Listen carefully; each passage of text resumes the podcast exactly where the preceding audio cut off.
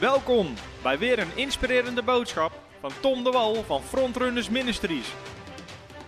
We bidden dat je via deze aflevering geïnspireerd wordt in je leven met God en opgebouwd wordt in je geloof. Let's get started. We hebben een serie, zijn we eigenlijk aan het doen, over het spreken in tongentaal. Er is weinig onderwijs openbaar over op YouTube en op andere plekken. Zeker als het wat dieper onderwijs is, maar het is zo'n prachtig onderwerp om uit te diepen. En vanavond gaan we het hebben over wat doet tongentaal en wat gebeurt er in de geestelijke wereld wanneer we spreken in tongentaal. Wat gebeurt er precies als je zelf in die klanken spreekt of je hoort een ander. Ik weet nog zelf toen ik tot bekering kwam voor het eerst mensen hoorde spreken in tongentaal dat het zo onwennig was, dat, het zo, dat ik niet wist wat daar precies gebeurde. Maar um, daarom is het zo belangrijk om daar ook inzicht in te krijgen. Dus we zijn een serie aan het doen. Wil je daar meer over weten? Bestel dan gratis mijn boek. Spreken in tongentaal staat ook in onze webshop. 50 redenen om te spreken in tongentaal. Behandelt hoe je moet spreken in tongentaal. Hoe je anderen kan helpen om tongentaal te ontvangen. Eigenlijk het hele thema tongentaal uh, dekt dit boek. Dus je kan het gewoon gratis bestellen in onze webshop. En als je de Um, sommige vragen zal ik niet ingaan. Soms zetten mensen ook uh, vragen of opmerkingen onder YouTube-video's. Uh, sowieso hebben we geen tijd om alle vragen te beantwoorden van mensen, ook niet achteraf, zeker niet. Uh, maar soms stellen mensen ook vragen of maken opmerkingen die we juist in iedere uitzending behandeld hebben. Dus dat is ook de reden dat we daarom dan niet op ingaan, omdat het dan handig is als mensen eerst het onderwijs luisteren. Oké, met welke serie zijn we bezig? En we zijn een serie van vier aan het doen over dit thema. De allereerste sessie hebben we behandeld, de eerste video, wat is tongentaal precies? En hebben het gehad over drie soorten tongentaal. Dat er drie verschillende soorten tongentaal zijn. Namelijk nummer één was iemand spreekt in tongentaal en de hoorder hoort het in zijn eigen taal. Dat is nummer één. Nummer twee was iemand spreekt in tongentaal en hij zelf of iemand anders legt uit wat er gezegd is in tongentaal en is het een profetie. En nummer drie is iemand spreekt in tongentaal, uh, maar dat is zijn eigen persoonlijke gebedstaal. Niemand verstaat het, niemand vertaalt het, maar dat is tussen hem en God. Dat zijn de drie soorten tongentaal. We hebben de vorige keer gekeken naar wie kan of wie mag spreken in tongentaal. Dat hebben we duidelijk gezien dat tongentaal voor iedere gelovige is. Zoals Jezus zegt in Marcus 16, de gelovigen zullen hieraan te herkennen zijn. Ze zullen spreken in andere talen. En de 120 op de Pinksterdag spraken allemaal in tongentaal. En alle in het huis van Cornelius die vervuld werden spraken in tongentaal. En alle in Efeze en in Korinthe. We hebben al die voorbeelden gezien. En vanavond gaan we het hebben over wat doet spreken in tongentaal, wat gebeurt er wanneer we spreken in tongentaal. En dan gaan we volgende week over hoe werkt spreken in tongentaal, dus hoe begin je nou en eventuele vragen. Dus dat zijn de uh, vier afleveringen in deze serie. En als er nog veel vragen zijn, kunt u natuurlijk een extra uh, vraag- en antwoord sessie erover doen. Nou, nogmaals, we gaan hier zo diep op in. En ik vind dit zo'n prachtige tekst om iedere keer mee te beginnen. Dat Paulus zegt in 1 Korinthe 12, in vers 1, vlak voordat hij de gaven van de geest uitlegt, zegt hij: Wat nu de geestelijke gaven betreft, broeders, wil ik niet dat u onwetend bent. Dus Paulus zegt: Ik wil dat je kennis hebt van die gaven van de geest, van wat de geest van God wil doen. Paulus zegt: Ik wil dat jullie daar vanaf weten. Dus wat is tongentaal? Laten we daar eens naar gaan kijken. En ik wil gaan kijken als eerste, of wat doet tongentaal? Gaan we kijken naar deze tekst in 1 Korinthe 14, vers 2 tot en met 5. Als je zelf een Bijbel bij hebt, kan je hem daar ook in opzoeken. Sowieso is het interessant om voor jezelf, misschien kan je nog even omswitchen naar die andere camera. Of hebben je boven, doet deze boven het? Om voor jezelf eens door 1 Korinthe 14 heen te gaan in je eigen tijd met God en echt eens aan te strepen en te kijken wat zegt Paulus hier nou allemaal over de gaaf van de geest, vooral over tongentaal en profetie. En ik, ik heb het zelfs met verschillende nou, hij is wel heel ver ingezoomd. Dan pakken we die andere, de, close-up. Ik heb met allerlei kleurtjes aangegeven. Heb je close-up? Ja. Met allerlei kleurtjes. En dan zie je dat Paulus allerlei verschillende dingen daarover zegt. En dat is zo interessant voor jezelf om te bestuderen. En ik heb een aantal dingen ook dik gedrukt in de tekst die, uh, die nu in beeld komt. Dus 1 Korinthe 14, vers 2 um, tot en met 5. Paulus zegt daar, wie namelijk in een andere taal, wie in tongentaal spreekt, spreekt niet tot mensen, maar tot God. Spreekt niet tot mensen, maar tot God. Want niemand begrijpt het, maar in zijn geest spreekt hij geheimenissen. Wie echter profeteert, spreekt tot mensen woorden van opbouw, vermaning en troost.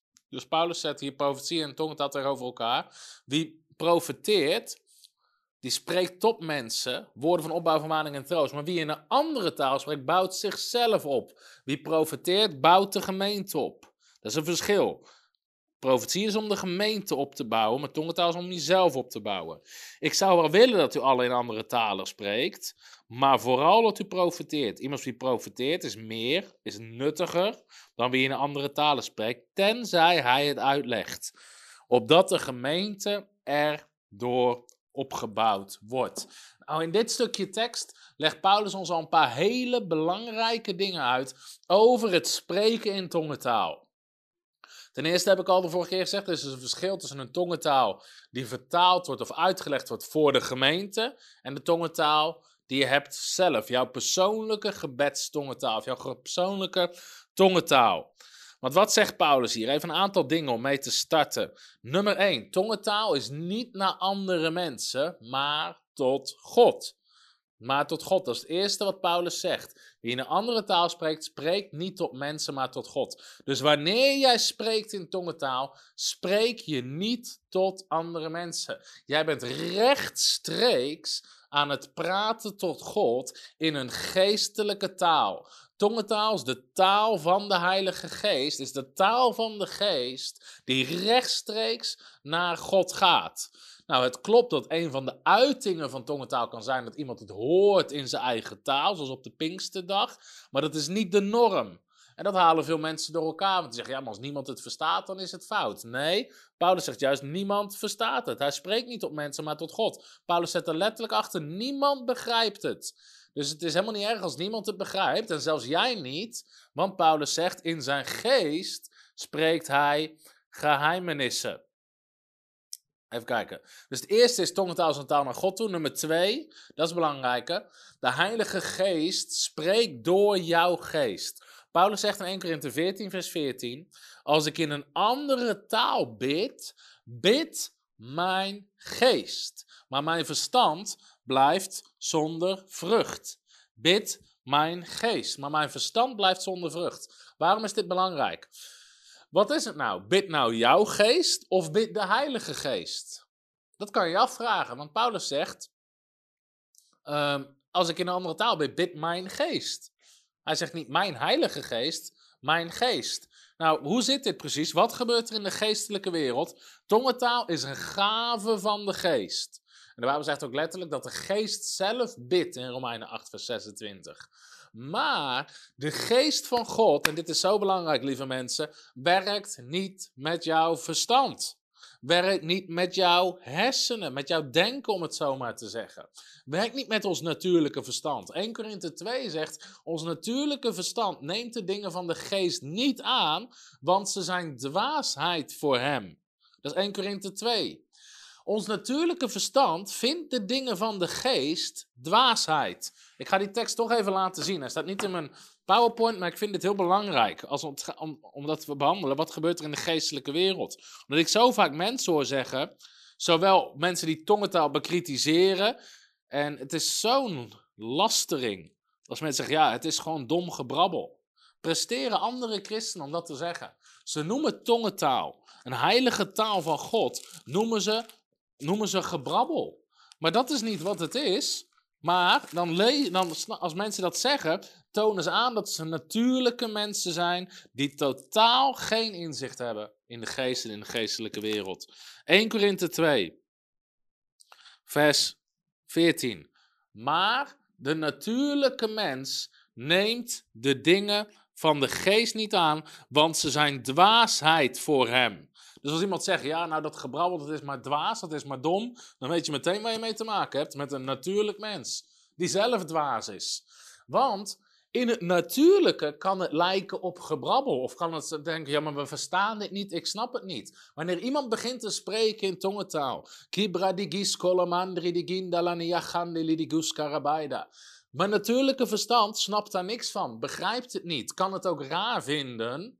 Maar de geestelijke mens die snapt, het is een taal van God. Ik spreek rechtstreeks tot God, geheimenissen vanuit mijn geest.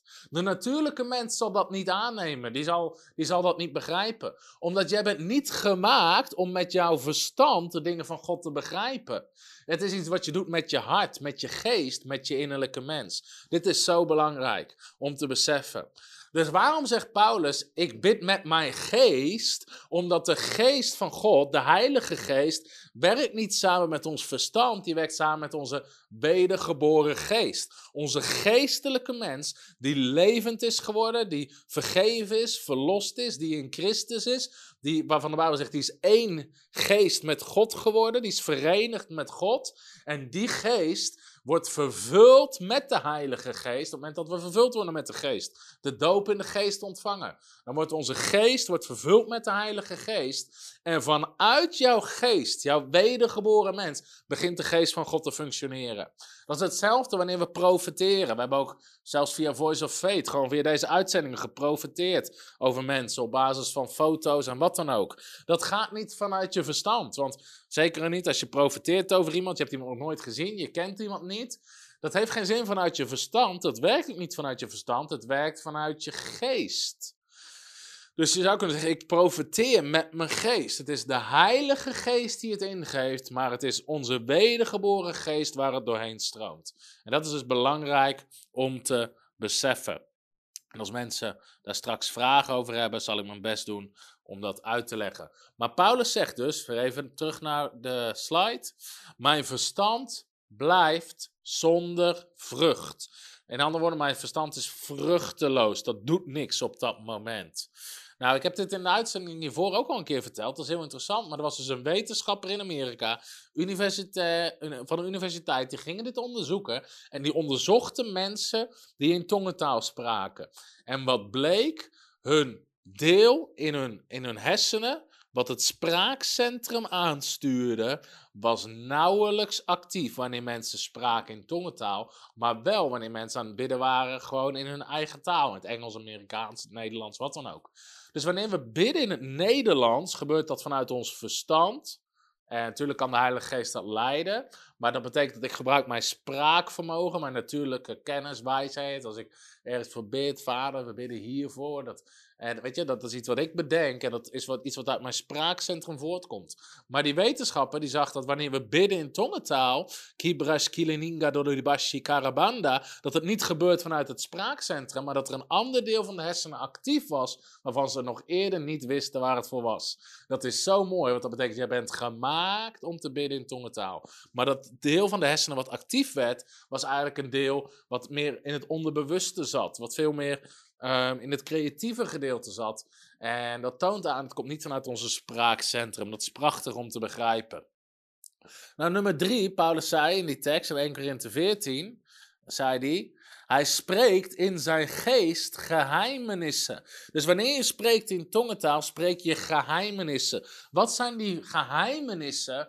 Een ander woord zou kunnen zijn een verborgenheid. Iets wat verborgen is, iets wat je niet weet.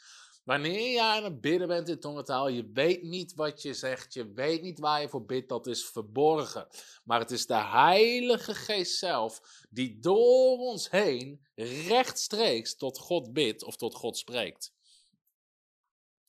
Nou, wanneer we dat doen, wat gebeurt er dan? Paulus zegt, wanneer je in tongentaal spreekt, spreekt hij in zijn geest geheimenissen. Vers 4, wie in een andere taal spreekt, bouwt zichzelf op bouwt zichzelf op. Wat bedoelt Paulus daarmee? Kijk, een mens bestaat, als het ware, om het plat te zeggen, uit drie delen. Onze, uh, ons gewoon fysieke lichaam, dat is gewoon je aardpak. Dan heb je je ziel, je verstand, je emoties, je gevoel, je karakter, je persoonlijkheid. En je hebt je geest, je wedergeboren geest. Nou, ons lichaam kunnen we ook opbouwen. Dat doen we heel de dag door, door bijvoorbeeld voedsel te eten. Dan bouw je je lichaam op. Je maakt je lichaam sterk of je houdt je lichaam sterk en je zorgt dat het voldoende energie en voeding heeft. Ook je ziel um, bouw je op. En is belangrijk om scherp te houden en sterk te houden met de relaties om ons heen. Maar mensen gaan naar school, volgen cursussen, opleidingen. Je kan gedragscursussen, je kan al die dingen kan je, um, kan je tot je nemen om je ziel sterk en scherp te houden. Maar we hebben ook een onderdeel, dat is onze wedergeboren geest. Hoe hou je die sterk? Door geestelijke activiteiten, door het woord van God te lezen, door Bijbel te lezen, door te aanbidden, door te vasten, maar ook dus door in tongentaal. Wanneer je in tongentaal bidt, bouw je je geestelijke mens op. Jouw geestelijke mens wordt sterk en wordt, je zou kunnen zeggen, groter in die zin. Geef je meer ruimte aan. Dat leert ons iets, namelijk dat we geestelijk sterk of zwak kunnen zijn. Je kan geestelijk sterk zijn of zwak zijn. Niet iedereen is geestelijk even sterk. God houdt van iedereen evenveel. Dat is een heel ander iets. Maar niet iedereen is geestelijk even sterk of even scherp. Dat is de reden dat de geest van God soms meer door de ene persoon heen kan werken dan door die andere persoon. We zien dat zelfs bij Jezus. Dat de negen discipelen lukte het niet om die maanzieke jongen te genezen. En Jezus zegt dan breng hem bij mij. En Jezus geneest die jongen wel. En als ze dan, dat is Matthäus 17, als ze dan vragen, Heer, waarom konden wij niet genezen? Noemt Jezus geestelijke oorzaken, waar ze geestelijk niet sterk genoeg waren. Hij zegt vanwege jullie ongeloof en door bidden en vasten gaat dit soort uit. Dus Jezus zegt, jongens, jullie waren geestelijk niet sterk genoeg. Dus geestelijk is niet iedereen gelijk. Maar je kan geestelijk sterker worden door in tongentaal te bidden. Nou, en soms kan je de uitleg ontvangen. Want Paulus zegt in 1 Korinthe 14, vers 13: Daarom laat hij die in een andere taal spreekt, bidden dat hij het mag uitleggen. Want als ik in een andere taal bid, bid mijn geest, maar mijn verstand blijft zonder vrucht. Dus Paulus zegt: laat hem bidden dat hij het mag uitleggen. Dus soms krijg je de uitleg. En dat kan zijn voor in de gemeente, dat je in de gemeente in tongentaal spreekt of in een samenkomst. En dat je dan een uitleg hebt. Maar het kan ook zijn in je persoonlijke tijd met God, dat je aan het bidden bent in tongentaal of iets zegt. En dat je in één keer weet wat je gezegd hebt. Dat je weet waarvoor je aan het bidden was. Dus dat is een van de manieren waarop het kan gaan. Nou, als we 1 Korinthe 14, en we hebben over wat gebeurt er in tongentaal, wat gebeurt er wanneer we in de geestelijke wereld wanneer we in tongentaal spreken. Als we nou 1 Korinthe 14 bestuderen, dan zien we dat Paulus het heeft over verschillende dingen wanneer we in tongentaal spreken. Dus wat gebeurt er in de geest? Paulus zegt, daarom laat hij die in een andere taal spreekt. Bidden dat hij het mag uitleggen. Dus een van de vormen is spreken in tongentaal. Vervolgens zegt Paulus, wanneer ik, want als ik in een andere taal bid. Dus een andere vorm is bidden in tongentaal. Bid mijn geest, mijn verstand blijft zonder vrucht. Hoe is het dan? Ik zal met mijn geest bidden, maar ik zal ook met mijn verstand bidden. Dus Paulus zegt, doe allebei. Ik zal met mijn geest lof zingen, maar ik zal ook met mijn verstand lof zingen. Dus je kan zingen in tongentaal. Want anders, als, ik, als u dank zegt met uw geest, hoe zal hij dan, nou goed, in ieder geval, en zo verder. Maar Paulus laat hier dus verschillende dingen zien. In tongentaal spreken is er één van. Maar hij zegt, je kan ook in tongentaal bidden. Je kan in tongentaal zingen, lof zingen. En je kan in tongentaal dank zeggen. Dus dit zijn allemaal dingen die in de geestelijke wereld kunnen gebeuren. Dus tongentaal kan verschillende functies hebben. Je kan een tijd van aanbidding hebben met je, waar je gaat zingen in de geest. En helaas gebeurt dat niet in zo heel veel gemeenten. Maar het is schitterend wanneer er in de geest, in, wanneer er in de gemeente in tongentaal gezongen wordt. Maar je kan ook zijn dat je, wanneer je in tongentaal bidden bent, dat je dus God gewoon aan het danken bent. Maar het kan ook zijn dat je ergens voor aan het bidden bent. En het kan ook zijn dat je aan het spreken bent. En misschien dat je aan het profiteren bent over dingen in de geest. Daarom mijn geestelijk vader Jan Sjoerd Pasterkamp noemde spreken in tongentaal uh, scheppend spreken in de geest. In andere woorden, gebeuren dingen in de geest wanneer je spreekt in tongentaal. En het kan zelfs, heb ik ook in dit rijtje erbij gezet, het kan zelfs een bestraffing zijn. Wanneer je spreekt, wanneer je iets zegt, kan het een bestraffing zijn naar de duisternis toe, naar de machten van de duisternis. En we zien dat Jezus regelmatig in autoriteit spreekt tegen dingen. Hij sprak tegen de storm. Hij sprak tegen de vijgenboom. Uh, hij bestrafte de wind. Hij bestrafte de koorts bij de schoonmoeder van Petrus. Jezus sprak tegen dingen. Jezus bestrafte dingen. Maar het kan ook soms zo zijn dat door de geest, wanneer we spreken in tongentaal, de geest de duisternis bestraft. En Derek Prins beschrijft in een van zijn boeken dat zijn uh, eerste vrouw, uh, Lydia, volgens mij was dat zijn eerste vrouw. Um, zijn tweede vrouw heette Rut, of andersom, maar als het goed is, Lydia, de eerste. Um, dat wanneer zij handen legt op ziek om ze te genezen, dat soms, als de geest haar zou leiden, dat hij haar in één keer enorm hard iets hoorde zeggen in tongentaal. Als een soort schreeuw of een soort in één keer een krachtuiting. En dat die persoon op dat moment in één keer genas. Was dan een uiting vanuit de geest, wanneer in één keer, waar in tongentaal, in de geestelijke wereld, werd die ziekte bestraft. En verliet die persoon, uh, verliet, verliet die ziekte die persoon.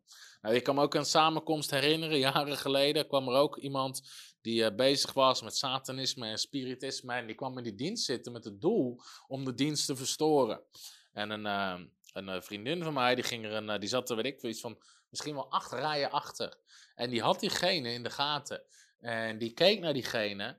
En die begon heel zachtjes te spreken in tongentaal. Onmogelijk dat die persoon dat kon horen. En meteen draaide die persoon zich om. En die keek met woedende ogen van stop ermee. En het was onmogelijk dat diegene dat kon horen. En ze ging gewoon door en door. En uiteindelijk die persoon verliet gewoon de dienst.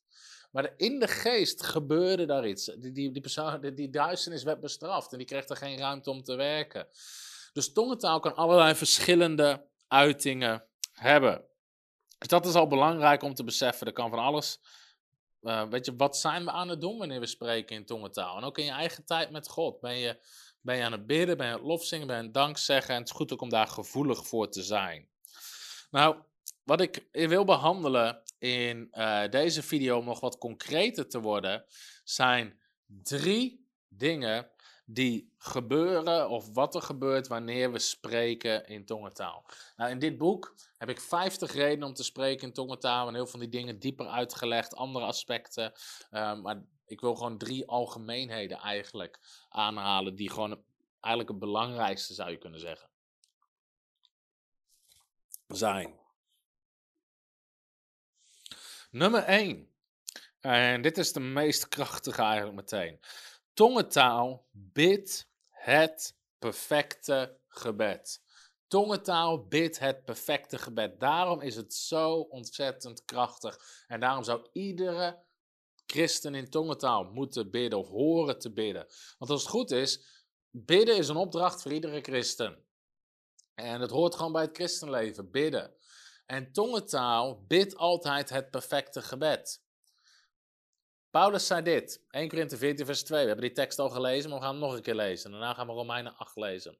Wie namelijk in een andere taal spreekt, spreekt niet tot mensen, maar tot God. Niemand begrijpt het, maar in zijn geest spreekt hij geheimenissen. Hij spreekt verborgenheden, dingen die je niet weet. Dus de geest is dingen aan het zeggen, aan het bidden, die je zelf niet weet. Nou, waar gaat dat dan over? Dat vertelt Romeinen 8 ons, vers 26 en 27. Daar staat namelijk dit. De geest komt onze zwakheden te hulp. Dus gebieden waarin wij zwak zijn, komt de geest van God ons te hulp. Want wij weten niet wat wij zullen bidden zoals het behoort. In sommige situaties weet je niet wat je daarvoor moet bidden of hoe. De geest zelf echter, de geest zelf echter pleit of, of bidt of smeekt voor ons met onuitsprekelijke verzuchtingen. Met, uh, ja, met, met verzuchtingen, met, ja, met een soort kermen die bijna niet uit te spreken zijn, die niet in menselijke taal uit te spreken zijn. En hij die de harten doorzoekt, weet wat het denken van de geest is. Omdat hij, de geest, naar de wil van God voor de heilige pleit. Voor de heilige bid. Nou, dit is ontzettend belangrijk om dit te beseffen. Wanneer we spreken in tongentaal, komt de geest onze menselijke zwakheden te hulp en begint te bidden uh, en begint ons aan te vullen en begint het perfecte gebed door ons heen te bidden. Ons normale gebed is altijd uh, of niet altijd, dat hoeft niet, maar kan beperkt worden door menselijke zwakheden. Kijk, daarom heb ik dit boek ook geschreven. Als je het nog niet hebt gelezen, bestel hem. Het ook gratis in onze webshop. Nogmaals, al onze boeken zijn gratis. We willen gewoon zoveel mogelijk mensen ermee bereiken. En dit boek, Bidden is ontvangen. Volgens mij zijn er inmiddels 20.000 of zo zijn er uh, verstuurd, weggegeven. En um, iemand zei vorige week tegen mij, met het aantal boeken, die zei, je bent een uh, best-selling author. Toen zei ik, nee, we zijn een best-giving author. Want ik verkoop niks, ik geef het weg. Maar bidden is ontvangen behandelt de zeven meest voorkomende redenen waardoor mensen geen gebedsverhoring hebben. Waarom? Wanneer we de teksten lezen uit het Nieuwe Testament, ze staan in het boek ook allemaal op een rijtje. Jezus en de apostelen beloven ons in het woord van God altijd gebedsverhoring. Jezus zegt, wat u de Vader maar vraagt in mijn naam, ik zal het doen. Wat u maar wil, het zal u ten deel vallen. Als u iets wilt vragen in mijn naam, ik zal het doen. Bid en u zal gegeven worden. Alles wat u in het gebed vraagt, zult u ontvangen.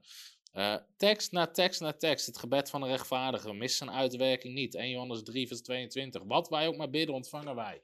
Iedere tekst, 20 teksten in het Nieuwe Testament beloven ons gebedsverhoring. Maar er zitten voorwaarden aan. En die leg ik ook uit in dit boek. Er zitten bepaalde voorwaarden aan. Uh, bijvoorbeeld, we moeten de wil van God kennen. We moeten bidden naar de wil van God. We moeten bidden in geloof. We moeten actie ondernemen. Dat soort dingen. Dat zijn voorwaarden die, die Jezus en, en de Bijbel rechtstreeks koppelen aan gebedsverhoring. Dus daarom behandelt dit boek de zeven meest voorkomende redenen waardoor mensen uh, hun gebeden niet beantwoord worden. Dan zie je dat we tegen bepaalde blokkades kunnen aanlopen. Die liggen niet bij God, die liggen bij ons. En we kunnen daarin groeien, we kunnen daarin leren, maar de geest van God wil altijd het perfecte gebed door ons heen bidden. Dus als ik in een dienst zou vragen wie zou hier het perfecte gebed willen bidden, steekt iedereen zijn hand op. Nou, jij kan dat bidden als je vervuld bent met de Heilige Geest. Tongentaal is dat perfecte gebed. En weet je wat ik nu gewoon in één keer aan moet denken, en ik geloof dat niet voor niks in mijn geest komt ook, is dat wat ik zo krachtig vind aan tongentaal, is dat je kan het altijd doen. Omdat Paulus zegt in die tekst die we net hadden gelezen, mijn verstand blijft zonder vrucht of mijn verstand is nutteloos. Het zit niet gekoppeld aan je verstand. Dus wanneer jij in de auto zit en je, en je moet rijden, kan je gewoon ondertussen in tongentaal bidden, zonder dat je heel actief erbij hoeft na te denken. Wanneer je in de bus zit, wanneer je aan het sporten bent, wat dan ook. Kan gewoon ondertussen bid je in tongentaal. Ben je dat perfecte gebed aan het bidden? Ben je jezelf aan het opbouwen? Maak je ruimte voor de Heilige Geest. Dat gebeurt er wanneer we in tongentaal bidden. Dus daarom zeg ik, het gebed wat je bidt in tongentaal wordt altijd verhoord. Nou, als ik dat zeg, zo'n quote, zo'n plaatje op Facebook, er zijn altijd mensen die daar kritiek op hebben. Daarom posten we hem extra vaak. Dat betekent dat ze hem nog vaak moeten horen. Maar ik geloof, het gebed wat je bidt in tongentaal wordt altijd verhoord. Waarom? Het is de geest zelf, zegt de Bijbel, die door ons heen bidt. Het is de geest zelf die die, die geheimenissen, verborgenheden bidt. Het is, de geest komt onze zwakheden te hulp, want hij is niet zwak. Hij is krachtig, hij is machtig, hij weet wat hij moet bidden, hoe hij moet bidden, waarvoor hij moet bidden, wanneer hij moet bidden. Al die dingen. Dingen waar jij niet eens weet van hebt dat je ervoor kan bidden, moet bidden of hoort te bidden. Is hij voor aan het bidden door jou heen. Weet je, dat, gebed wat de geest zelf bidt door ons heen, wordt, wordt verhoord. Het is het perfecte gebed. Dus misschien moeten we dat plaatje nogmaals een keer opzetten. Want dat is gewoon wat het is. Dat is het goede nieuws. De Heilige Geest weet wat hij moet bidden. Nou, dit vind ik zo prachtig. Want wat gebeurt er in de geestelijke wereld? En dit is voor veel mensen een openbaring. De Bijbel zegt dit, Hebreeën 7, vers 25. Waar zit Jezus? Zit aan de rechterhand van God. Wat is Jezus aan het doen in de hemel? Hij zei aan de ene kant, of Jezus zegt, het is volbracht. Aan de ene kant is alles klaar. Jezus zijn perfecte werk is volbracht. Maar wij zijn nog niet klaar. Voor iedereen die lui op de bank zit met een zak chips en een glas cola en dacht, nou, alles is volbracht, ik hoef niks meer te doen. Nee, wij hebben een opdracht. Ga heen in heel de wereld, draag vrucht, bereik mensen, discipelnatie, al die dingen, dat is onze opdracht. Maar wat is Jezus aan het doen? Hij zit in de hemel voor jou en voor mij te bidden, voorbeden te doen, te pleiten. Dat zegt de in Hebreeën 7, vers 25. Daarom kan hij volkomen zalig maken. Dit is zo'n genade als we hierover nadenken. Wie door hem tot God gaan, omdat hij altijd leeft om voor hen te pleiten. Om voor hen te pleiten. Dus Jezus is voor ons aan het pleiten. En, maar hij heeft ook op aarde, hij heeft ook de pleitbezorger naar de aarde gestuurd. Dat is de Heilige Geest. Aan de ene kant spreekt hij natuurlijk over het bloed van Jezus, wat voor ons pleit, maar ook Jezus zelf pleit voor ons. Hij bidt voor ons. Hij is, hij, hij is voor ons aan het strijden. Nou, wat gebeurt er wanneer we spreken in tongenzaal? De geest pleit door ons samen met Jezus. Het wordt één gebed. Zoals Jezus voorbeden doen als de geest begint door ons heen voorbeden te doen hebt, mee te stromen in datzelfde gebed. Daarom is het zo ontzettend krachtig. En daarom zeg ik altijd: 15 minuten bidden in de Heilige Geest kan meer doen dan 15 uur met je menselijke verstand. 15 minuten bidden in de Heilige Geest kan meer doen dan 15 uur met je menselijke verstand. Nou, we horen allebei te doen. Want Paulus zei in 1 Corinthië 14: Ik zal met mijn geest bidden en met mijn verstand bidden. Maar het is zo ontzettend krachtig. En iedere christen gaat tegen problemen of uitdagingen aanlopen die je niet begrijpt, of je weet niet hoe je ervoor moet bidden, of wat dan ook. Maar daarom hebben we tongentaal gekregen. Daarom zeg ik altijd: heb je een probleem wat je niet begrijpt, bid in een taal die je niet begrijpt. Als jij een probleem hebt wat je toch niet begrijpt, begin te bidden in een taal die je niet begrijpt. Want God weet wel het probleem, hij weet de kern van het probleem. En de geest van God begint daarvoor te bidden.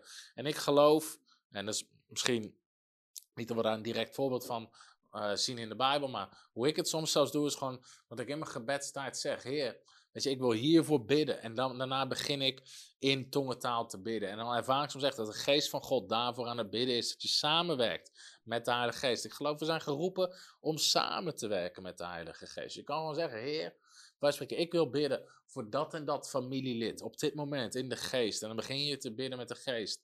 En ik, ik geloof dat het goed is om met die manier samen te werken met de Heilige Geest. Want hij weet altijd wat we moeten bidden. Nou, in mijn boek heeft Jan Sjoerd heeft ook schitterende verhalen. En een van de verhalen die Jan Sjoerd vertelt, is dat hij was in Australië.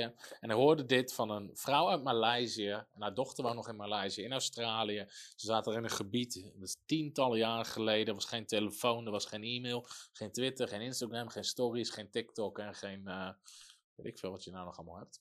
Van alles en nog wat. Was er allemaal nog niet. En die moeder die wist dat haar dochter zwanger was. Maar weet je, briefverkeer duurde lang, kon dagen duren, et cetera. En op een dag, op een vrijdagmiddag, zit die moeder te lunchen. En in één keer weet ze vanuit de geest, ze wordt gewoon ongemakkelijk, onbehagelijk in de geest. Niet met haar verstand, er was geen enkele aanleiding. Het was een dag zoals alle anderen, maar in haar geest voelde ze een onrust. En ze wist het heeft te maken met de zwangerschap van mijn dochter. En het was twaalf uur middags. En ze begon te bidden. En ze zei, Heer, ik bid voor mijn dochter. Zegen de bevalling, zegen het kind, zegen de artsen. Uh, bescherm ze, geef ze wijsheid, geef ze gezondheid. En, weet je, ze had dat gebeden, en, maar ze was nog steeds onbehagelijk in de geest. En ze dacht, ja, wat moet ik nou bidden? Weet je, je kan nog een keer hetzelfde zeggen, want dat heeft God al gehoord. En jij zegt het ook niet omwege de veelheid van woorden, maar ze wist gewoon niet precies wat er aan de hand was. Ze kon niet weten, ze kon ook niet bellen, maar ze wist gewoon, er zit iets niet goed. En toen besloot ze om te gaan bidden in tongentaal. En ze begon te bidden in tongentaal. En ze ervoer echt dat de geest door haar heen aan het strijden was. En een uur, en twee uur, en drie uur. Uiteindelijk vier uur lang bad ze in tongentaal. Tot ongeveer vier uur. En in één keer, van het een op het andere moment, voelde ze... De drang om te bidden was weg. De onrust in de geest was weg. En ze stopte met bidden. Ze had geen idee wat er aan de hand was. Een aantal dagen later kreeg ze een brief van de dochter.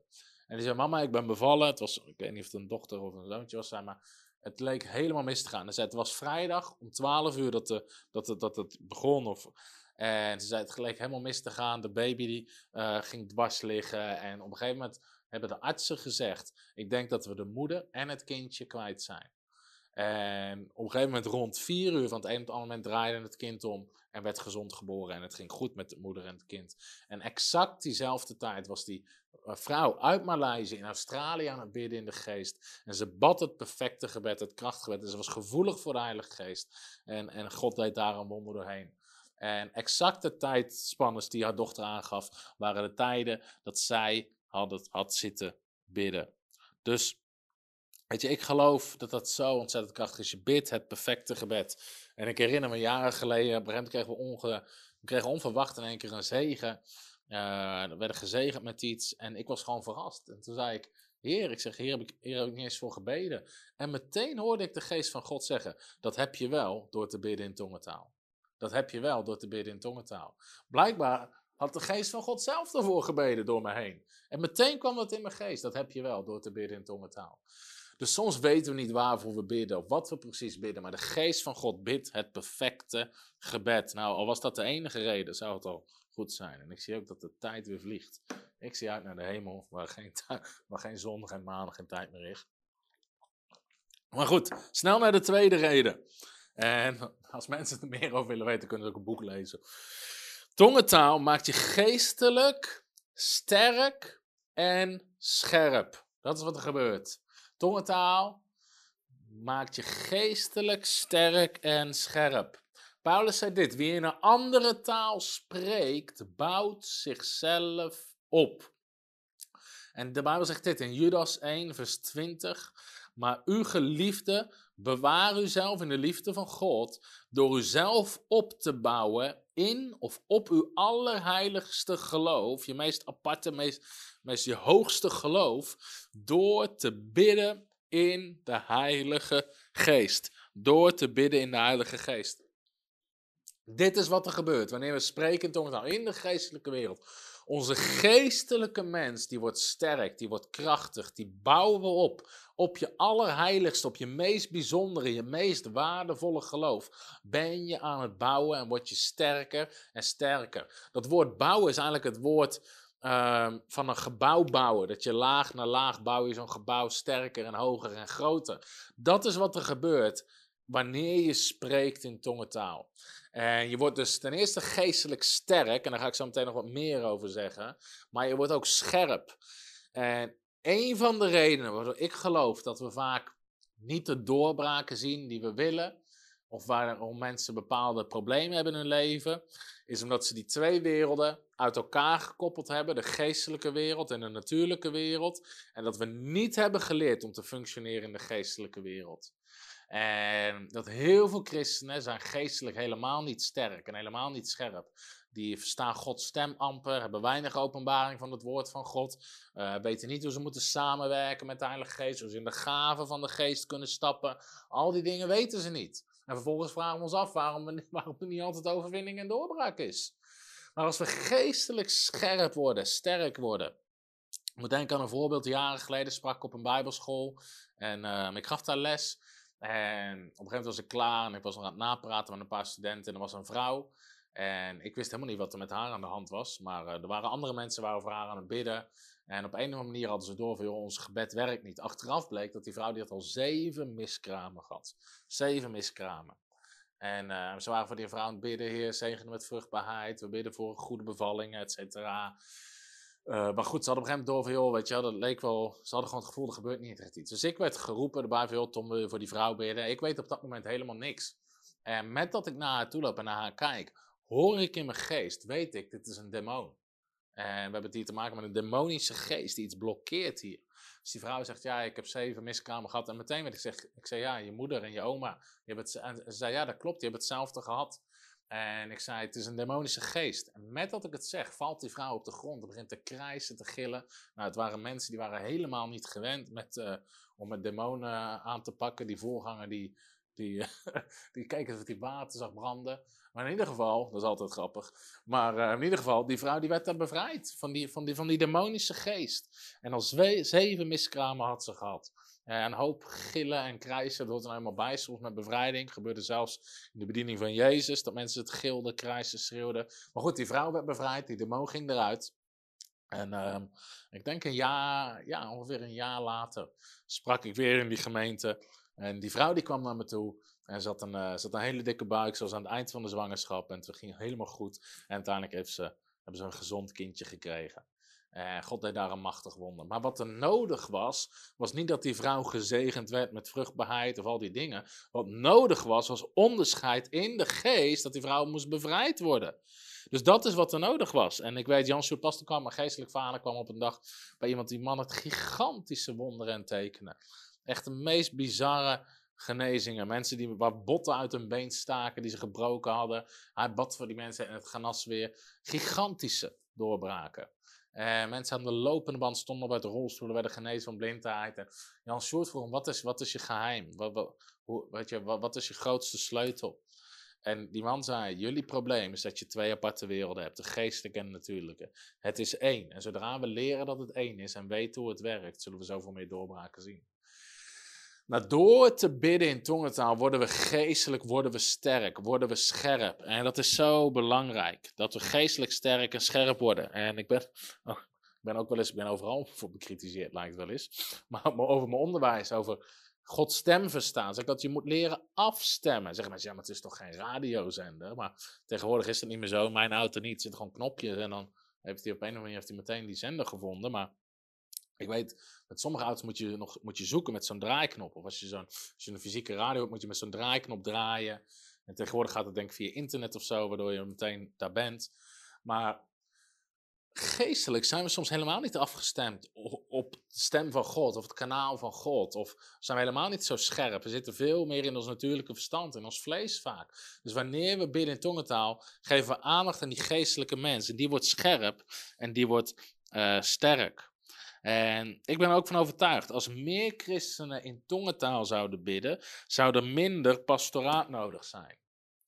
En ik, uh, ik heb eh, vrij lang, toen ik jeugdleider was en de leiderschap van de gemeente, pastoraat gedaan. Godzijdank ben ik daarvan verlost. ik vind dat zelf grappig. Maar uh, hoef ik dat niet zoveel, niet zoveel meer te doen. Maar wanneer, ik, wanneer mensen kwamen met problemen, mijn eerste vraag was meestal gewoon, hoe is je tijd met God? En niet altijd, maar ik denk 80% van de gevallen zeiden mensen, ja, maar weet je, ik heb niet echt tijd met God, geen stille tijd, bidden in de geest, nee, ook niet. Dus mensen zochten een oplossing voor een probleem, maar een achterliggend probleem was dat er geen fundament was, geen relatie met God, geen... En als we meer zouden bezig zijn met die geestelijke dingen, waaronder spreken in tongentaal, bidden in de geest, dat perfecte gebed bidden, zou veel minder pastoraat nodig zijn. Jan Soert geeft voorbeeld ook in Papua-Nieuw-Guinea, Waar die een man had die echt een woedeprobleem had. Was een inheemse man die had geloof ik een gigantisch woedeprobleem. Wat zijn huwelijk, wat van alles nog wat onder druk zette. En die man die kwam bij Jan Soort en Jan Soort had niet de wijsheid verder veel. Dus Jan Soort zei, niet de wijsheid met natuurlijke dingen die hij hem aan kon reiken. Gelukkig niet denk ik achteraf. Maar hij zegt ja, ik was net nieuw als, voorganger, als zendeling. Zij zei van joh, die man die werkte op een bulldozer. Die moest urenlang door de jungle rijden. Dus Jassoort zei, ga heel de dag bidden in tongentaal. Niemand hoort je. Dat ding is, loopt toch heel dag te ronken. Gewoon dagenlang. En die man die bad wekenlang in tongentaal. geestelijk werd hij zo zacht, zo nederig, zo veranderd. Het was een totaal andere man geworden. En was helemaal van zijn voedenprobleem afgekomen. Maar hij was geestelijk sterk geworden. Tongentaal maakt je geestelijk scherp en sterk. Er zijn zoveel aspecten van de Heilige Geest. Wat denk je van de vrucht van de Geest? Liefde, vrede, blijdschap, geduld. Weet je, als je in tongentaal bidt, ik heb nog nooit dat ik in tongentaal bad en depressief werd. Dat is geen vrucht van de Geest. Vrucht van de Geest is blijdschap. Soms juist misschien als je je niet goed voelt, wat nodig is dat je begint te bidden in de Geest. Zoveel mensen zitten in hun verstand en ik voel me slecht en dit en dat en nou gebeurt dit. Nee, daar moet je autoriteit over nemen. En dan moet je zeggen, nee, weet je, we gaan bidden. We gaan bidden in de geest. En dan begin je gewoon, Kossa, Brandi, Gila, Boshindara, Bagiskanda. En vanuit je geest begin je jezelf op te bouwen. Want blijkbaar proberen omstandigheden je neer te drukken. Maar dan begin je jezelf op te bouwen. Ik heb sterker nog vaak dat ik op een gegeven moment ben ik aan het bidden in tongentaal. En dat is ook een sleutel. Mensen moeten het niet een minuut doen, niet drie zinnen. Ga eens gewoon twintig minuten lang bidden. Bewust bidden in tongentaal. En desnoods loop je erbij rond, zet je muziek aan, maar dan begint iets te gebeuren, er begint iets te veranderen. Je begint dingen te spreken. En soms komt er ook in één keer een vreugde, begin je te lachen. Weet je, dat is wanneer je intapt in die dimensie van de Heilige Geest. Weet je, sommige mensen, sommige christenen snappen dat niet, maar de Bijbel zegt in Psalm 2, de Heer zit op zijn troon en hij lacht. Zelfs God zit te lachen. En als je dan leest in Psalm 2, waarom? Omdat er zijn er vijanden die opstaan tegen God. En zegt de Bijbel, God ziet dat. Hij begint, zit op zijn troon. God begint gewoon uit te lachen. Omstandigheden, machten, vijanden tegen God. Die denken dat ze iets tegen God kunnen beginnen. God moet er gewoon om lachen. Die is totaal niet onder de indruk. Ik denk ook toen het hele leger van Egypte, weet je, achter, achter de Israëlieten, Mozes die was in paniek en God zat gewoon, God wist al lang wat hij kon doen en wat hij ging doen. Dus wij moeten leren om in te tappen met God. God is nooit in paniek. God is nooit depressief. God weet nooit Eh, God heeft nooit van, nou, ik weet niet hoe dit verder moet. God heeft geen rode knop in de hemel van een paniekknop van, nou weet ik het niet meer. Nee, bij God is, is alle wijsheid en zijn tegenwoordigheid is vreugde. Weet je, al die dingen zijn altijd bij God. En door te bidden in de geest stap je daarop in. En geef je God in één keer ruimte om te spreken. Dat is wat tongentaal doet. En als laatste ehm, reden, en dan heb ik lang niet alles behandeld, maar er is zoveel. Wat tongentaal doet, het zet de kracht van de Heilige Geest vrij. De Bijbel zegt in Handelingen 1, vers 8: U zult kracht ontvangen wanneer de Heilige Geest over u komt. Je zal kracht ontvangen. De doop in de geest is een onderdompeling in kracht. Man, als de geest van God op je leven komt, krachteloos christendom is geen optie. Dan ben je leeg van de geest. Sorry dat ik het zo duidelijk zeg, maar ik heb nog nooit iemand ontmoet die vol was van de geest en krachteloos was. Die depressief was. Die in, nee, als je vol bent van de geest. Want de geest van God is niet krachteloos, die is krachtig. Die is niet depressief, die, die is hyperactief zou je kunnen zeggen. die wil altijd bewegen, die wil altijd gaan. Die wil, weet je, de, geest van God, die is, die is niet depressief, die is vol blijdschap, hoop, liefde, vreugde, al die dingen. Maar u zult kracht ontvangen, handeling 1 vers 8. Als de geest van God op je komt, ben je krachtig. Dan, weet je, ik, daarom geloof ik in krachtig christendom. Ik heb er een, ik ga het gewoon zeggen, ik heb er een hekel aan. Als, we, weet je, als, je in een kerk komt en de voorgang, hoeveel weten dat het zwaar is in leven met God? Hoeveel weten dat het niet altijd makkelijk is? Hoeveel weten? Nee, dat is niet wat de Bijbel zegt. Jezus zegt, neem mijn juk op je. Mijn juk is zacht, mijn last is licht. Weet je, de Bijbel zegt, de weg van de zondaar, die is onbegaanbaar. Maar de weg van de rechtvaardige is als een helder pad, waarvan de zon helderder en helderder gaat schijnen. Je zal uitsluitend omhoog gaan en niet omlaag. Dat is wat de Bijbel zegt over, over, over de kinderen van God. Sta op en schitter, want terwijl de duisternis op de aarde zal over jou de heerlijkheid van God gezien worden. Dat is het evangelie. Te midden, zelfs, zelfs al zaten ze in de gevangenis, zaten de apostelen te loven en te prijzen en te zingen. Ze zaten niet te depressief en te huilen en te klagen. Paulus zat in de gevangenis als hij de Filippenzen brief en hij zegt: Verheug je in de Heer, verheug je altijd. Hoe kon Paulus zo krachtig zijn dat hij vol was van de geest? Want Paulus, ik bid meer in tongentaal dan u allemaal. Hij was zo vol van de geest dat omstandigheden hem niet meer raakten. Hij was altijd krachtig en, en gewoon positief en gaan en vol vreugde. Tongentaal zet de kracht van de geest vrij. Ook wanneer je wil stappen in de gaven van de geest. Daar gaan we nog een keer een serie over doen. Maar een van de manieren om in te stappen is door eerst te spreken in tongentaal. Want je bent je geestelijke mens aan het opbouwen. En wanneer je begint te spreken in tongentaal. En je begint. Namanda. Je geeft de geest van God ruimte. En in één keer wordt het makkelijk om te stappen in profetie. Of in woorden van kennis. Of de gave van geloof komt over je heen. De werking van krachten. De gave van genezingen. Waarom? Je, hebt een, je bent aan het bewegen, je bent aan het streven naar die gaven, zoals de Bijbel zegt. En het begint te stromen, je komt in die stroom van de geest. Het is niet voor niks dat de Bijbel vergelijkt de geest altijd met stromend water. De rivier uit de tempel van Ezekiel. Jezus zei, als iemand dorstig is, laat hem naar mij komen. Weet je, er is levend water, er is stromend water. De geest stroomt, die geest gaat gewoon. Er is altijd een stroom. En de Bijbel leert het ook in het boek openbaar. Er is altijd een stroom vanuit de troon van God. Er is altijd een stroom van de geest. Waarin woorden van kennis, woorden van wijsheid, werkingen van krachten, gaven van genezingen. Die stroomt altijd. Maar wij kunnen leren om daarin te tappen. Wij kunnen leren om daarin te tappen. En een van de manieren om te doen is daar, door gewoon daarin te stappen. En te beginnen te bidden in de geest. Je dan uit te strekken. En dan merk je in één keer dat je dat je in die dimensie komt, als het ware. Om te zeggen, niet al die dingen zijn makkelijk uit te leggen, maar in één keer komt de kracht van God komt de kracht van God. En, en begin je dingen te voelen en word je geestelijk gevoelig. En soms weet je, en voor sommige mensen is dat misschien is dat vreemd, maar soms voel ik gewoon, voel ik het branden in mijn handen. En weet ik, hé, de gave van genezing is hier. Je hoeft mensen me aan te raken en de een naar de ander geneest. En op een gegeven moment word je scherp. En ook met bevrijdingsdiensten soms, waarin je in één keer gewoon door de zaal loopt en woorden van kennis. Allemaal dingen begint. Sommige dingen kan je totaal niet weten vanuit je geestelijk of vanuit je natuurlijke verstand. Maar je bent in één keer in een andere dimensie van de geest. Waar de dingen gewoon stromen en beginnen te werken en wonderen beginnen te bewegen. Dat is de dimensie van de Heilige Geest. En als we beginnen te bidden in tongentaal, dat is gewoon de eerste stap om daar naartoe te gaan.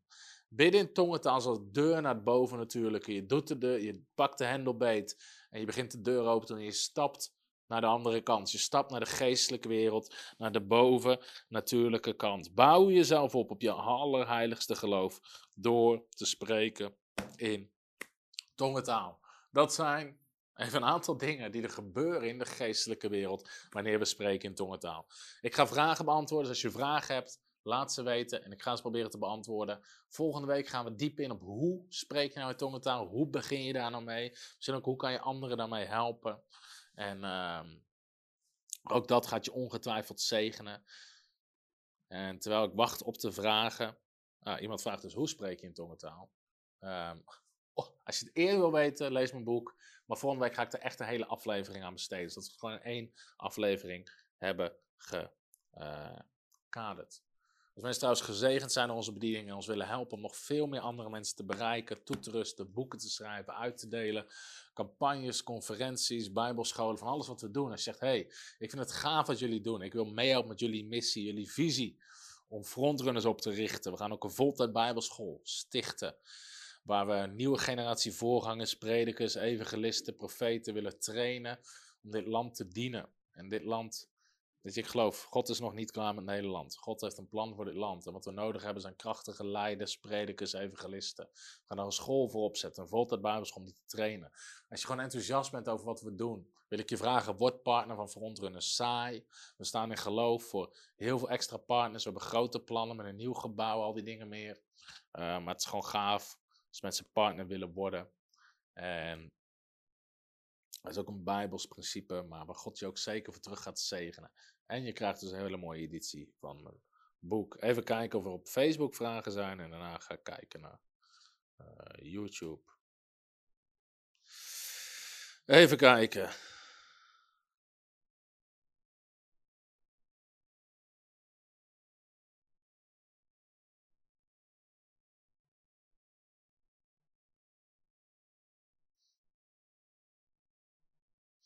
Is. Misschien heb je een vraag gesteld, stel dan eens even opnieuw en dan blijf ik gewoon onderaan in de kennis. Lydia, de, die zegt, ehm, ik ben niet gedoopt in de Heilige Geest, maar kan wel spreken in tongentaal. Ben ik dan vervuld met de Heilige Geest zonder de doop in de Heilige Geest? Nou, de doop in de Geest en de vervulling met de Geest is hetzelfde. En als je spreekt in tongentaal, toont dat aan dus dat je vervuld bent of gedoopt bent in de Heilige Geest. En Um, dus dat betekent, je bent wel vervuld met de Heilige Geest, gedoopt in de Heilige Geest, als je spreekt in tongentaal. Dus um, dat.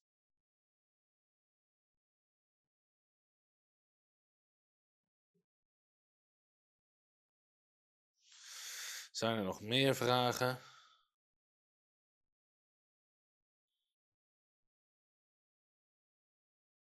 Volgens mij niet echt. Nog één keer even op YouTube kijken.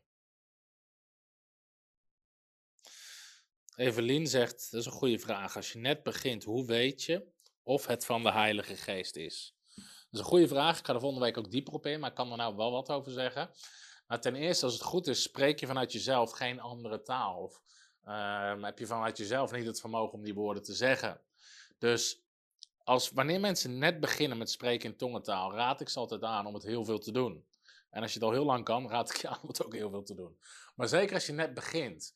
Waarom? Omdat het ook iets is waar onze natuurlijke verstand gewoon aan moet wennen. En in het begin zou je natuurlijke verstand zeggen: Je bent gek, dit verzin je zelf, wat doe je nou weer? Wat zullen mensen wel niet van je denken? En het is goed om daar gewoon doorheen te breken. Om gewoon muziek op te zetten thuis, aanbiddingsmuziek en ondertussen gewoon in tongentaal te bidden. En op een gegeven moment merk je, je komt in zo'n stroom dat je het gewoon als een lichtknop aan en uit kan zetten zonder dat je erover na hoeft te denken. Je hoeft van tevoren geen seconde na te denken. Om op een gegeven moment te beginnen en één keer in tongentaal Issa brundu kulanai di giskale biachandra di giskaramoy gishamba. Mijn verstand komt hier niet aan te pas. Ik verzin die woorden niet, ik ken die woorden niet. Het is iets wat uit mijn geest komt. En hoe meer je het doet, hoe natuurlijker het gaat als het ware. Omdat je hebt geleerd om samen te werken met de Heilige Geest. Hoe meer je ook beseft, dit is iets wat ik niet kan. Wij spreken, je kan een boek lezen. En ondertussen kan je bidden in tongentaal. Kabra, shikela, mambra, digi, sobrandi, ligisha, kalamandri, digiska. Je hoeft er niet bij na te denken. Het is iets wat uit je geest komt. Nou, in het begin is het misschien zo dat mensen even moeten concentreren. Niet om de woorden te bedenken, maar om hun geest toe aan te zetten. En hun, uh, hun woorden, hun tong mee te laten bewegen, om het zo maar te zeggen. Um, maar je gaat heel snel merken dat, je, dat het gewoon iets is wat de geest je geeft. En iets wat je niet zelf verzint en wat ontzettend uh, krachtig is. Dankjewel Raymond voor het compliment. Mariska stelt een hele goede vraag. Sandra, moet je een andere taal leren om in tongentaal te spreken? Nee, want het is een bovennatuurlijke taal. Anders moet je even de eerste uitzending terugkijken. Wat is tongentaal? Mariska stelt een goede vraag. Wat als je uittrekt naar de gaaf van de geest, onder andere tongentaal, je bidt ervoor, laat anderen voor je bidden, maar er gebeurt niks. Ik ga er volgende keer veel dieper op in. Uh, want dan ga ik het uitleggen hoe. En ik heb dit in het begin ook gehad. Dat ik wilde spreken in tongentaal, maar het niet lukte.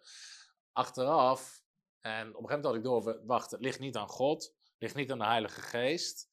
Um, het ligt aan mij, maar niet in de zin van ik doe iets fout. Maar ik wist gewoon niet hoe het moest, hoe ik moest beginnen. Uh, vaak is daar ergens een misverstand. Of dat mensen zo getraind zijn. Meestal zitten mensen klem in hun natuurlijke verstand. En vaak zie je mensen heel hard denken, heel hard hun best doen.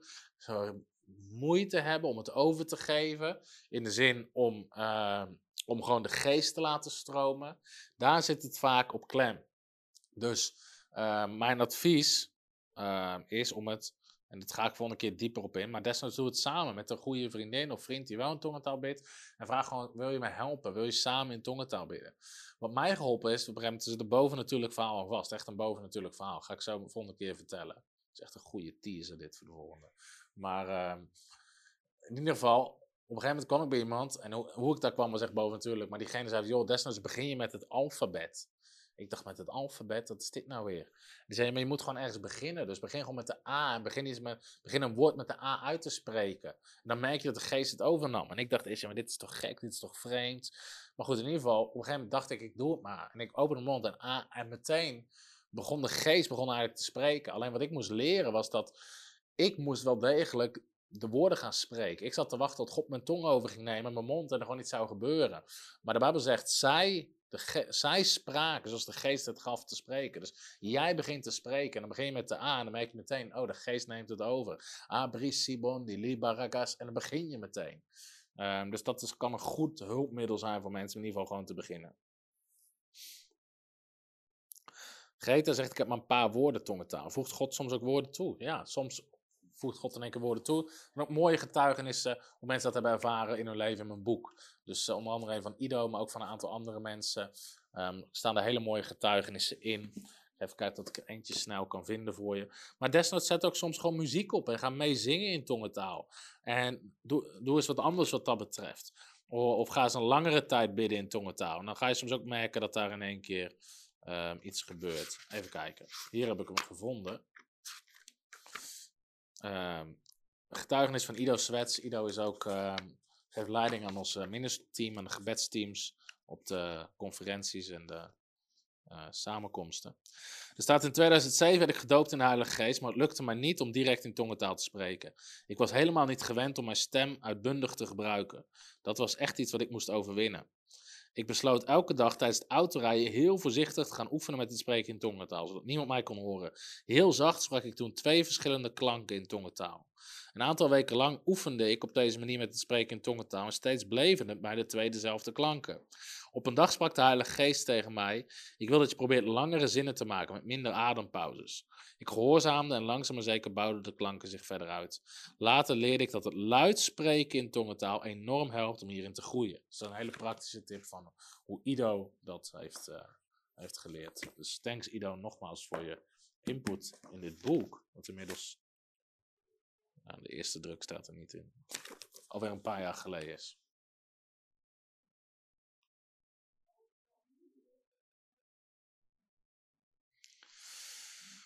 Waar kan je het boek bestellen? Al onze boeken staan op www.frontrunnersministries.nl in de webshop. René Ouders, wellicht is deze vraag al gesteld, maar ik stroom net in. Hoe toets je de echtheid van tongentaal? Nou, dat is een goede vraag. Dat is ook geen hele makkelijke vraag. Kijk, gaat het om voor jezelf te toetsen, spreek ik echt in tongentaal? Als jij weet, ik ben een kind van God, ik ben vervuld met de Heilige Geest. De Bijbel zegt, als we God vragen om de Heilige Geest, zal hij ons nooit een steen geven. En als we God, weet je, in die context staat dan van, als we vragen om een brood, zal hij ons nooit een steen geven. En hoeveel te meer zal de Vader de Heilige Geest geven. Dus wij mogen verwachten van God dat wanneer we ons uitstrekken naar de geest, dat God ons ook de geest geeft. En zeker als we natuurlijk in de naam van Jezus bidden. Dus voor jezelf weet je gewoon, ik, ik spreek geen andere taal. Dus als ik begin, Ibrigis, Kolai, Biakagandro, Dogush, ik kan dat niet vanuit mezelf. Bovendien merk ik de zegen ervan en dat de geest begint te bewegen. Dus voor mezelf is het te toetsen. Als het gaat om hoe weet je of iemand anders echt in tongentaal spreekt. Nou, ten eerste, uh, wat je eigenlijk nodig hebt is onderscheid van geesten. Maar uh, ik, ik, ik zit even te zoeken waar je vraag precies om gaat. Er zijn soms mensen die maken zich druk en zeggen: Ja, maar ik heb daar in een van de eerdere video's ook al iets over gezegd. Zeggen mensen: Ja, maar satanisten spreken ook in tongentaal. Nou, misschien wel, misschien niet. Um, ik, ik, ben geen satanist, dus ik weet het niet. Voor sommige complotdenkers is het ook een hele onthulling. maar uh, de satanisten hebben ook samenkomst. Ze zingen ook liederen. Daar wordt ook gepreekt. Die doen, uh, weet je, die doen ook van alles en nog wat. Maar dan gaan wij niet zeggen van nou, dat doen wij niet. Nee, de duivel is een imitator. Die doet dingen na. Dus natuurlijk zal hij dat ook proberen na te doen en te verkrachten vanuit de verkeerde bron. Maar onze bron is de Heilige Geest. Ik heb helemaal niks te maken met wat satanisten doen. Ik doe wat het woord van God zegt dat ik moet doen. En als het gaat om hoe weet je of iemand anders dan wel of geen echte tongentaal spreekt, nou wat je nodig hebt, onderscheid van geesten. En ik moet zeggen, ik heb wel eens meegemaakt dat je iemand hoorde spreken en dat je in je geest inderdaad een bepaalde verwrongen gevoel, dat je gewoon wist, dit klopt niet. Hier klopt iets niet. Maar het kan net zo goed gebeuren wanneer iemand gewoon spreekt of iets zegt of iets doet in de samenkomst, dat je denkt, oh, wacht, dit is een hele andere bron waar hieruit geput wordt. En dan, weet je, dan, dan is het ook aan degene die de samenkomst leidt of wat dan ook, om daar iets mee te doen of dat te stoppen. Uh, maar goed, dus voor jezelf uh, is een andere vraag als hoe toets je dat in de gemeente. Dus ik hoop dat ik daar een paar dingen over gezegd heb. Ja, Lydia, wat je ervaart zegt, soms voel ik tintelingen of dingen in mijn buik. Dat is inderdaad, kan dat is gewoon een teken van de Heilige Geest. En ons lichaam reageert daarop, dus dat is heel normaal. Oké, nogmaals hartelijk bedankt voor het kijken. Ik bid dat je gezegend bent, opgebouwd bent. Je kan al ons onderwijs, dat allemaal gratis op YouTube. Dus kan je ook doorsturen naar mensen. Nogmaals, ben je gezegend? Wil je meebouwen? Word partner van Frontrunners. Help ons meer mensen te bereiken en toe te rusten. Ga naar www.frontrunnersministries.nl en dan kan je klikken op partner worden. En dan help je ons maandelijks mee. En als je partner wordt, krijg je straks krijg je alle boeken krijg je sowieso automatisch gratis thuisgestuurd. Je krijgt een extra luxe editie van het boek Supermens. En vanaf 25 euro of meer per maand krijg je toegang tot www.bijbelschoppen.tv, waar al onze part-time bijbelscholen op staan. Dus wil je nog veel meer van dit soort onderwijs, uh, word partner en samen bouwen we het Koninkrijk van God. Hartelijk bedankt, veel zegen en tot volgende week. Hallo, Tom de Wol hier en bedankt dat je weer geluisterd hebt naar onze podcast. Ik bid dat het je geloof gebouwd heeft en je bemoedigd bent. Als je niet alleen een luisteraar van onze boodschap wil zijn, maar ook een verspreider daarvan, wil ik je uitnodigen om partner te worden van Frontrunners. Door jouw maandelijkse donatie help je ons om dit evangelie van Jezus Christus en het woord van God over heel de aarde te brengen. Om partner te worden, ga naar www.frontrunnersministries.nl slash partners en word partner. Hartelijk bedankt en tot snel. Heb je ook zo genoten van deze inspirerende boodschap van Tom de Wal? Abonneer je dan op deze podcast. Volg ons op Facebook en op Instagram en kijk op onze website frontrunnersministries.nl.